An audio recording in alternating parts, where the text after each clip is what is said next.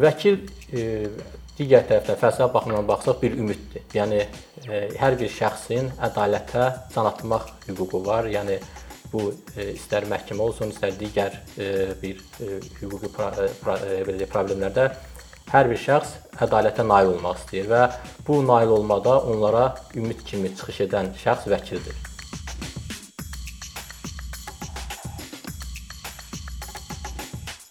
Ötən il Azərbaycanda ilk dəfə vəkillərin sayı 2000-i ötdü və bu o deməkdir ki, artıq hər 5000 e, nəfərə bir vəkil düşür. Və beynəlxalq standartlara görə bu göstərici o qədər yüksək olmasa da, e, Azərbaycan üçün xüsusilə də 10-15 il e, əvvəllə müqayisə etsək, bu çox yüksək göstəricidir və bu say əslində insanların hüquqi yardıma çatımlılığının göstəricisidir. Və bir növdə artıq hüquqşünaslarda bu peşəyə marağın artdığını göstərir. Elə ona görə də biz bu gün Azərbaycanda vəkil olmaq nə deməkdir? Bu suala cavab verəcəyik. Və qonağımız Azərbaycan Respublikası Vəkillər Kollegiyasının üzvü Anar Məmmişovdur. Anar müəllim, xoş gəlmisiniz. Xoş gördük. Anar müəllim, vəkil olmaq nə deməkdir? Vəkil kimdir?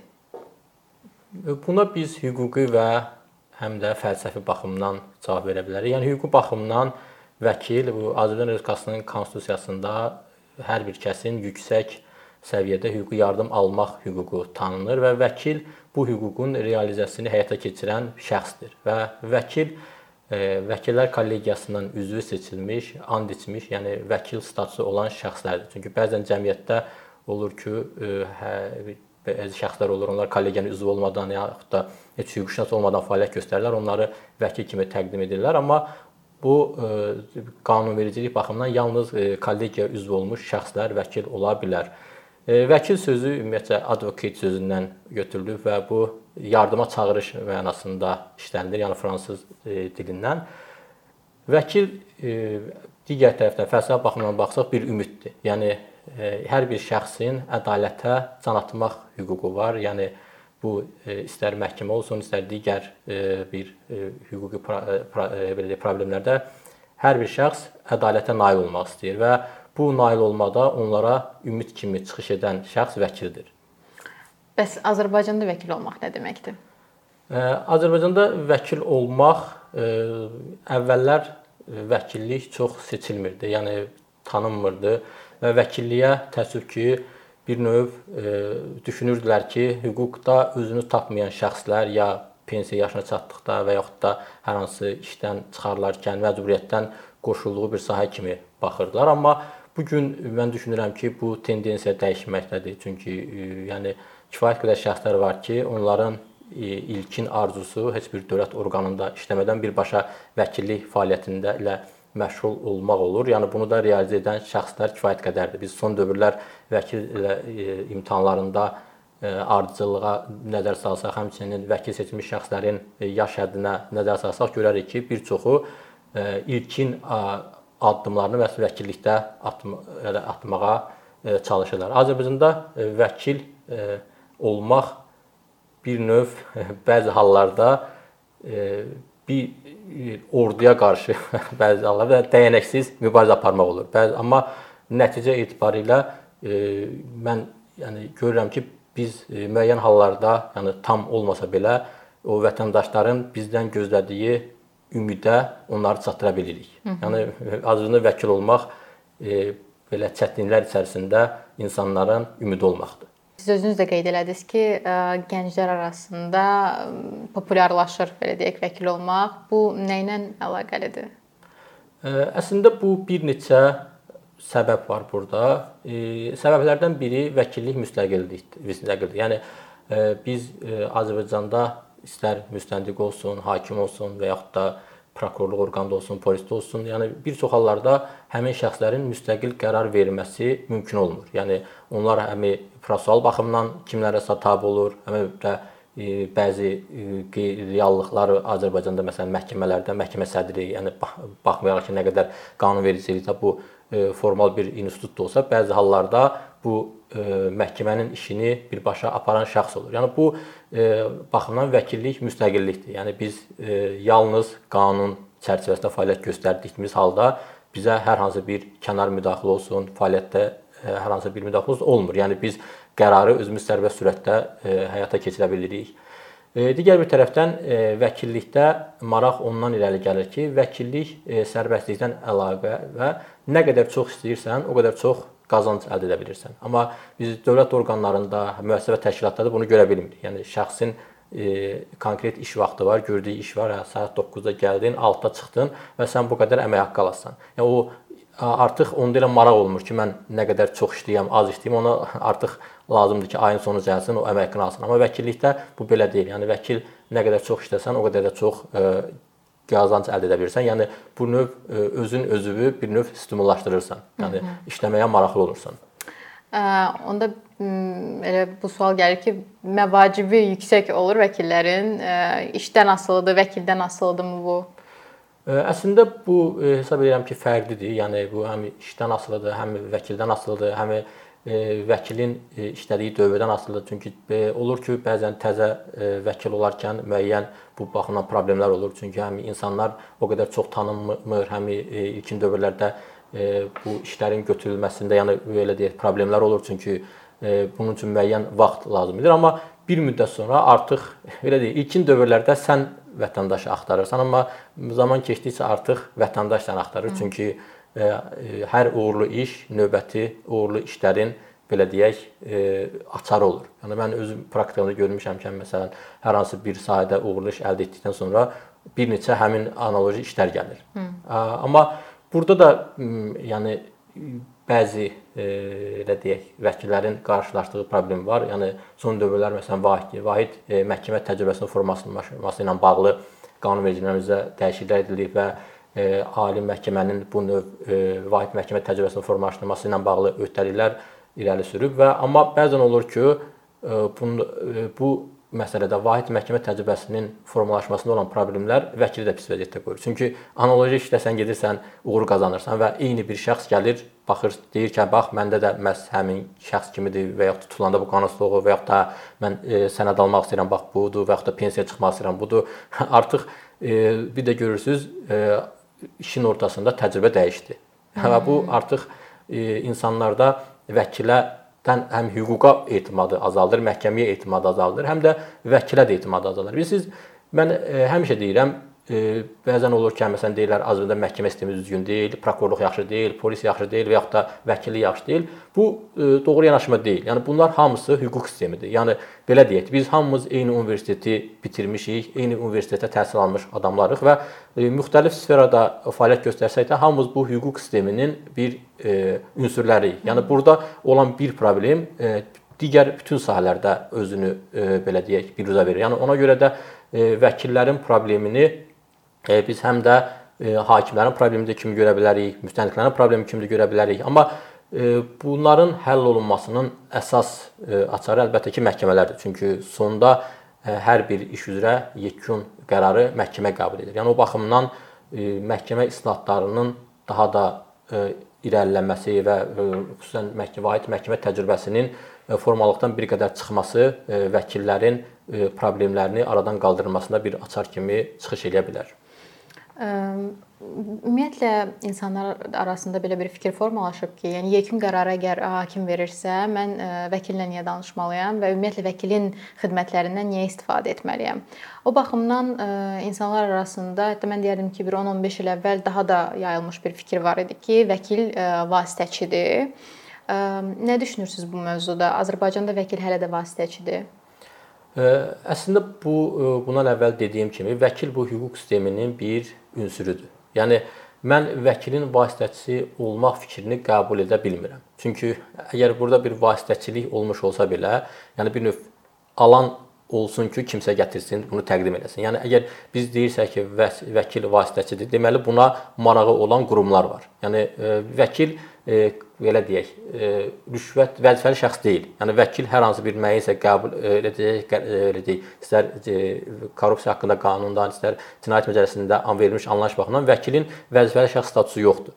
Amma digər orqanlarda işləyən şəxslərin belə bir səlahiyyətləri var. Yəni bu neqativ hallar aradan qalxsa, vəkilə bu baxış da aradan qalxar. Yəni e, belə deyək də, əgər belə bir neqativ hal varsa, bu vəkil olsa da olacaq, vəkil olmasa da olacaq. Yəni e, bu e, bir növ vəkillikdən asılı deyil. E, digər tərəfdən e, mən düşünürəm ki, son dövrlərdə, xüsusən e, 4-5 il e, ərzində bu yanaşma da dəyişib. Yəni həqiqətən də e, vəkil e, işi hər tərəfli aparanda bütün e, maddi və prosessual e, hüquq pozuntularını realizə edəndə onu həyata keçirmək mümkün olur. Yəni mən özüm məsələn bir praktikadan deyim, bir şəxsə ağır cinayətlər məhkəməsi 6 il cəza vermişdi və mən müraciət edilər mənə. Mən baxdım ki, bu işdə kifayət qədər pozuntular var və onun qardaşı idi. Dedim ki, gəlin şikayət verək.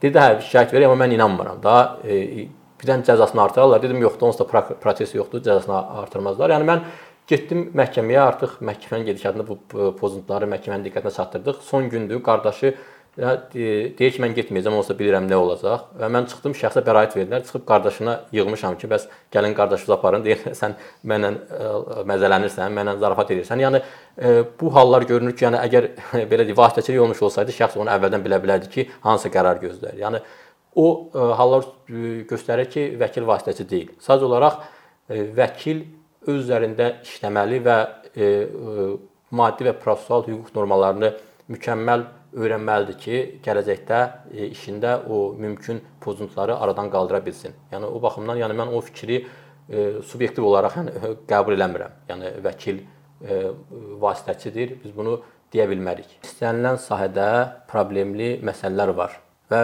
təəssüf ki, bu vəkillikdə də var. Yəni bəzi hallarda biz işlərə qoşuluruq, yuxarı instansiyalarda və yaxud da indi mən özüm xüsusən bəraət hökmlərini araşdırıb oxuyan biriyəm. Yəni gələcəkdə onu tətbiq eləmək üçün və bu belə bir şərait var elektron məhkəmə sistemində bütün hökmlər yerləşdirilir və mən orada həqiqətən görürəm ki, bəzi hallarda açıq-aşkar vəkilliyin formal belə deyək fəaliyyəti görünür.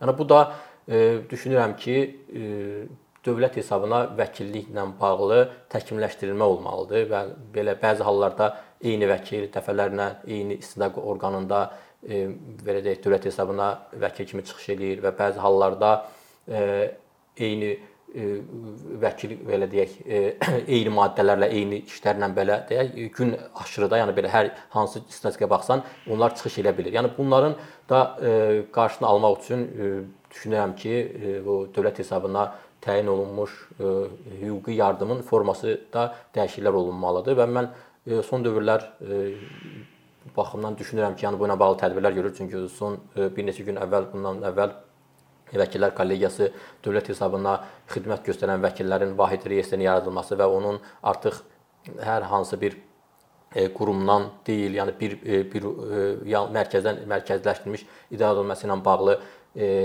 təkliflər irəli sürürlər. Mən düşünürəm ki, bu hallar yaxşı olardı. Yəni e, bir növ e, vəkilin özünün birbaşa istintaq orqanı ilə əlaqəsini minimum endirmək lazımdır ki, vəkilin orada e, gedib o e, elə formal hüquqi xidmət göstərməsi nəticəsində e, vəkil cəmiyyətin vəkilliyə inamını azaltmamalıdır. Baxın mən e, bir dəfə bir işdə təyinatla e, müqavilə yəni təyinatla işə çıxmışdım. Adam e, oğurluq cinayətində şübhələndi. Yəni residivist idi. Mən o birinci qeyd etdim ki, mən görüşmək istəyirəm fərdi. Buna görüşdüm, əl salamlaşdım, görüşdüm. Bu adam kö elə kövrəldi da. Deyirəm ki, bəs e, niyə görə belə? Deyir mən həmişə düşünürdüm ki, vəkil formal bir şeydir. Yəni sən mənə insan kimi münasibət göstərirsən, baxmırsan ki, mən oğurluq eləmişəm, başqa cinayət törətmişəm. Yəni bunu başa saldım ki, mən sənin əməllərini, ya şəxsiyyətini müdafiə eləmirəm. Mən burada müdafiə edirəm ki, sənin prosessual pozun, hüququn pozulmasın, maddi hüququn pozulmasın. Yəni sırf əgər həqiqətən də sən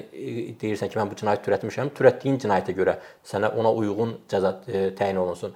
Yəni o və o e, şəxs mənə dedi ki, mən artıq e, buradan çıxandan sonra e, təkrar cinayət törətməyəcəm çünki hə hələ də e, yaxşı insanlar var falan və bu kimdir bilmirəm də onun sonu necə oldu. Hı. Yəni onu demək istəyirəm ki, biz e, anlamalıyıq ki, e, şəxsin şəxsiyyətini müdafiə eləmirik. Biz şəxsin hüquqlarını müdafiə edirik. Və bəzi hallarda ə, e, deyirlər ki, bəs bu cinayət olsa siz onu müdafiə edərsinizmi və yaxud da yox, onun nəyini müdafiə edirsiniz? Bu oğurluq eləyir və bunun nəyini müdafiə edirsiniz? Bu ə, e, narkotik vasitə satır və s. bu cəmiyyəti zəhərləyir. Yəni axı biz onun ə, e, həmin əməli törətməyinə bəraət qazandırmırıq. Biz e, ona bəraət qazandırırıq ki, sən bu şəxsi tutursansa, prosessual əsaslarla tut, prosessual əsaslarla mühakimə elə və prosessual qaydaya uyğun olaraq sübutları topla, şəxsin təqsirini sübut elə. Əgər e, hər hansı bir dövlət orqanı, e, hüquq mühafizə orqanı bu prosessual pozuntulara yol verirsə, biz bununla mübarizə aparırıqsa, bu bizim ən təbii hüququmuzdur. Yəni biz e, qanunsuz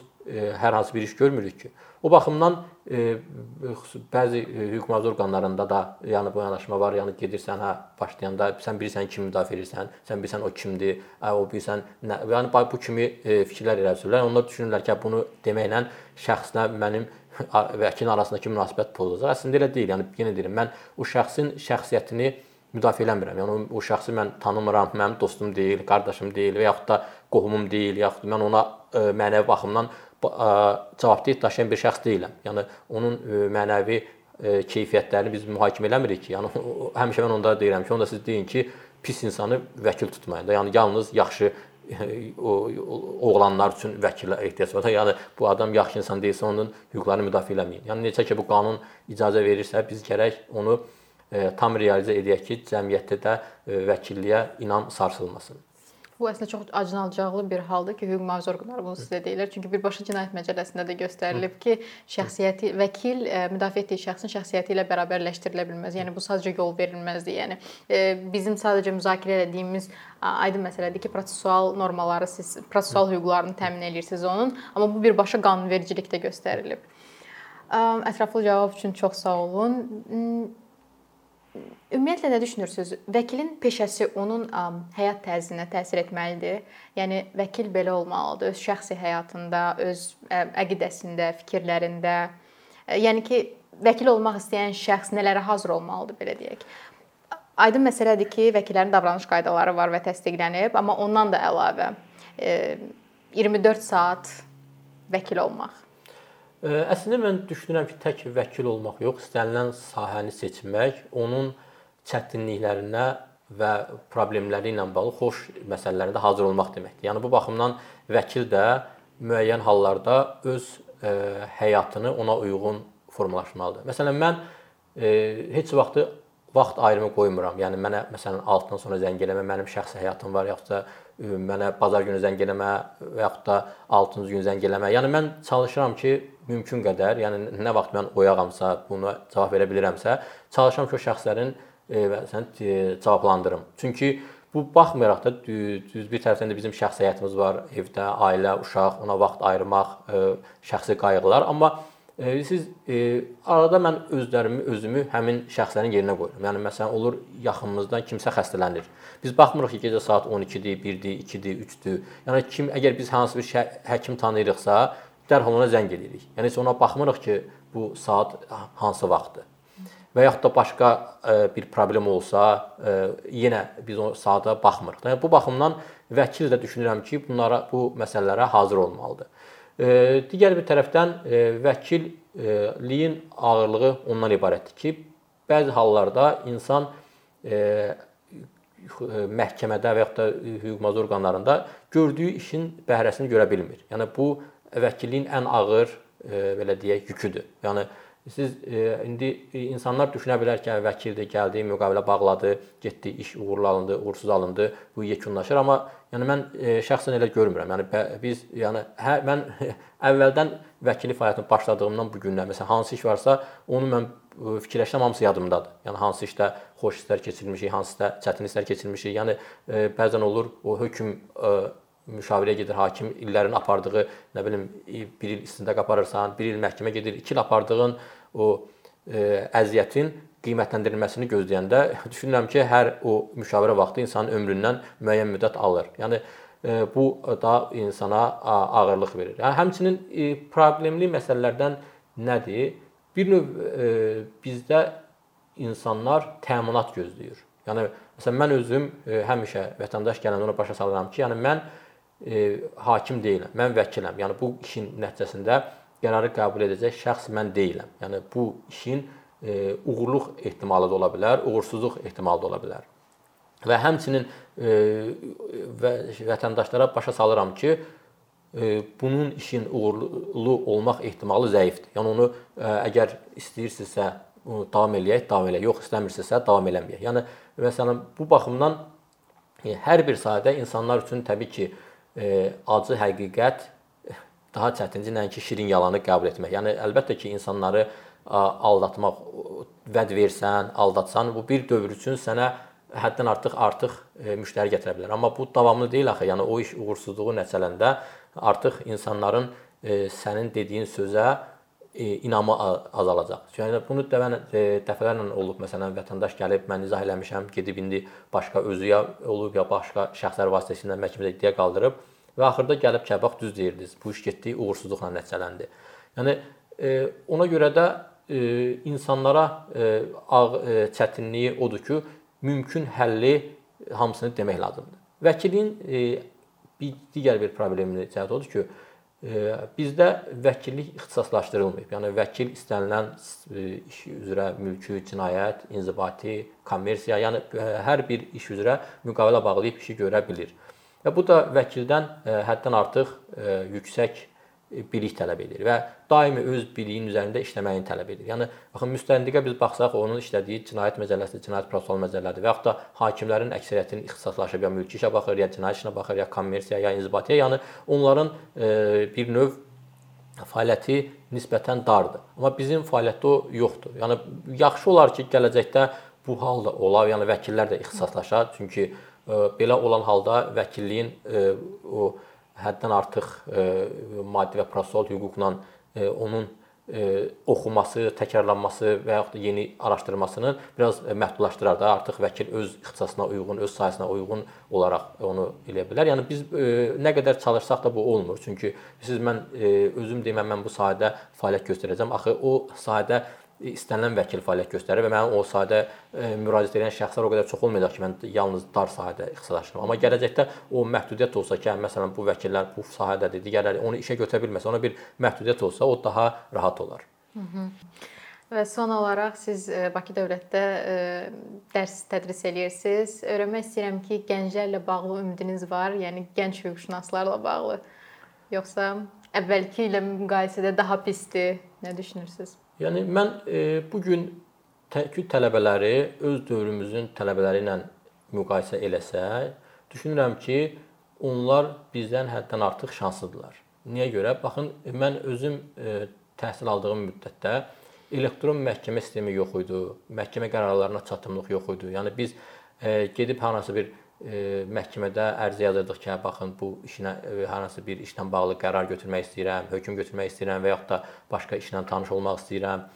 E, və həddən artıq çətinlik çəkirdik. Həm də e, belə deyək, ədəbiyyat da o qədər geniş deyildi. Amma son dövrlər e, bu baxımdan düşünürəm ki, bizim e, indiki tələbələr e, şanslıdırlar və mən e, tələbələrin e, qiymətləndirərkən, onlarla sual-cavab eləyərkən və baxıram ki, həqiqətən də e, tələbələr o şansdan e, yaxşı da istifadə edirlər. Yəni e, onların praktik baxımdan biliyi bizim dövrümüzdən praktik baxımdan kifayət qədər yüksək olur. Yəni biz biz bizim dövrdə biz daha çox nəzəriyyatçı olurduq. Yəni biz o, o məsələn oxuyurduq ə, e, kitabları, nəzəri kitabları və s. amma bizim praktikaya çatımımız yox idi. Yəni biz onu praktikada necə tətbiq olunur, onu görə bilmirdik. Ə, e, çünki bəzi hallarda ə, e, qanunvericiliyi ə, oxumaq, yəni normaları əzbərli şəkildə ə, oxumaq onu dərk tam dərk etməyinə səbəb olmurdu. Çünki onu biz bilmirdik ki, bu praktikada necə tətbiq olunur. Və bəzi e, hallarda bir çox normalar arasında e, kolliziyalar var, yəni bir-birini təkzib edən e, analoji hüquq normaları var. Yəni biz onlar praktikada necə tətbiq olunur, onu görə bilmirdik. Amma bu gün bu bununla bağlı həmin həmin tələbələrin çatımlılığı daha çoxdur. Həm də ki, digər bir məsələ Bizim dövrümüzdə bu vahid məhkəmə təcrübəsi olsun, ali məhkəmənin işlərə vahid məhkəmə təcrübəsi, həmçinin Konstitusiya Məhkəməsinin bu qədər çox qərarları yox idi. Həmin dövrdə Konstitusiya Məhkəməsi il ərzində bir neçə qərar qəbul edirdi və onlar daha çox şərhlə bağlı, yəni müəyyən məsələlərlə bağlı olurdu. Amma bu gün biz nəzər salsaq, Konstitusiya Məhkəməsi hər dövr hər ay 4-5 iş qəbul edir və həm 4-5 qərar onunla tanış olanda hər biri 4-5 e, fərqli hüquq sahəsində e, məhkəmənin yanaşmasını və həmçinin bu yanaşma imperativdir də, çünki Konstitusiya Məhkəməsinin qərarı imperativ olur və dövlət və bələdiyyə orqanları və fiziki və hüquqi şəxslər üçün onun icrası məcburi olur. Yəni bu baxımdan onlar daha çox bundan yararlana bilirlər. Həmçinin düşünürəm ki, tədrisin keyfiyyəti də dəyişilib. Yəni bizim vaxtımızda bir çox fənlər tədris olunmurdu, qeyri-hüquq fənlər daha çox tədris olunurdu. Amma bu gün mümkün qədər məsələn elə fənlər var ki, biz onları tədris eləmirdik. Amma bu gün o tədris olunan fənlərin sayı daha çoxdur. Və həm də yanaşma da bir yanaşma da var ki, mümkün qədər müəllimlər praktikada təcrübəsi olan şəxslər seçilir. Yəni əvvəl nəzəriyyəni gözəl bilə bilərdi müəllim, ancaq o praktikasını daimi izləmədiyi üçün praktik baxımdan o bilikləri tələbəyə ötürə bilmirdi. Amma bugünkü gün biz universitetdə görürük ki, istər hakimlər olsun, vəkillər olsun, hüquq mühafizə orqanlarında, prokurorluqda işləyən şəxslər olsun, yəni onlar aktiv şəkildə universitetlərə cəlb olunur və o praktik bilikləri daha çox vətəndaşlara aşılaya bilirlər. O baxımdan da yəni mən müqayisə olaraq, yəni bugünkü tələbələri öz dövrümüzdən daha üstün qiymətləndirə bilərəm. Çox sağ olun dəvətimizi qəbul etdiyiniz üçün, suallara ətraflı cavab verdiyiniz üçün.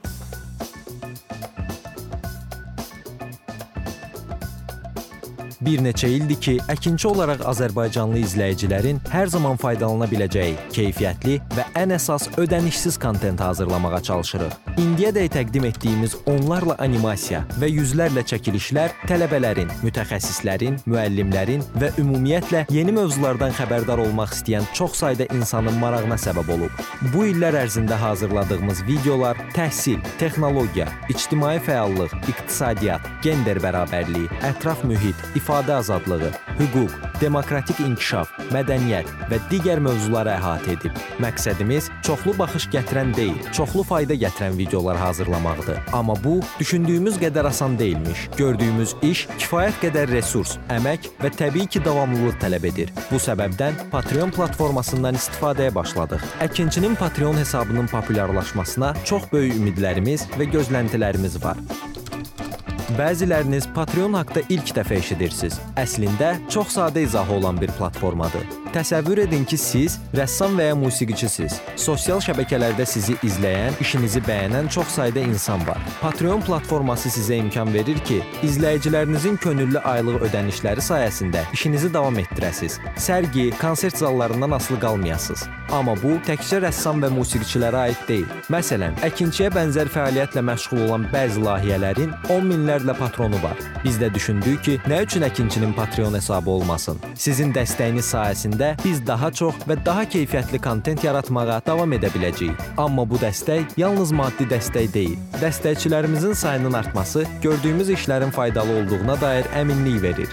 Patreon platformasından istifadə çox sadədir. Hesabınızı açırsınız, sizə uyğun dəstək növünü seçirsiniz və Patreon özü hər ayın ilk günü kartınızdan seçdiyiniz dəstək növünə uyğun ödəniş tutur. Bu qədər. Sonda onu demək istəyirik ki, dəstəkçilərin sırasına qoşulmaq istəyən, amma məhdud imkana görə bunu edə bilməyənlər narahat olmasın. Daha öncə dediyimiz kimi, bizim əsas məqsədimiz daha çox insanın hər zaman faydalana biləcəyi keyfiyyətli və ödənişsiz kontentin yaradılmasıdır. Bunun üçün mütləq patronumuz patronumuz olmalısınız deyə məcburiyyət yoxdur. Amma imkanınız patron olmağa çatırsa və bizim işimizi bəyənirsinizsə, patronlarımızın sırasına qoşulmağınız bizim üçün çox önəmlidir.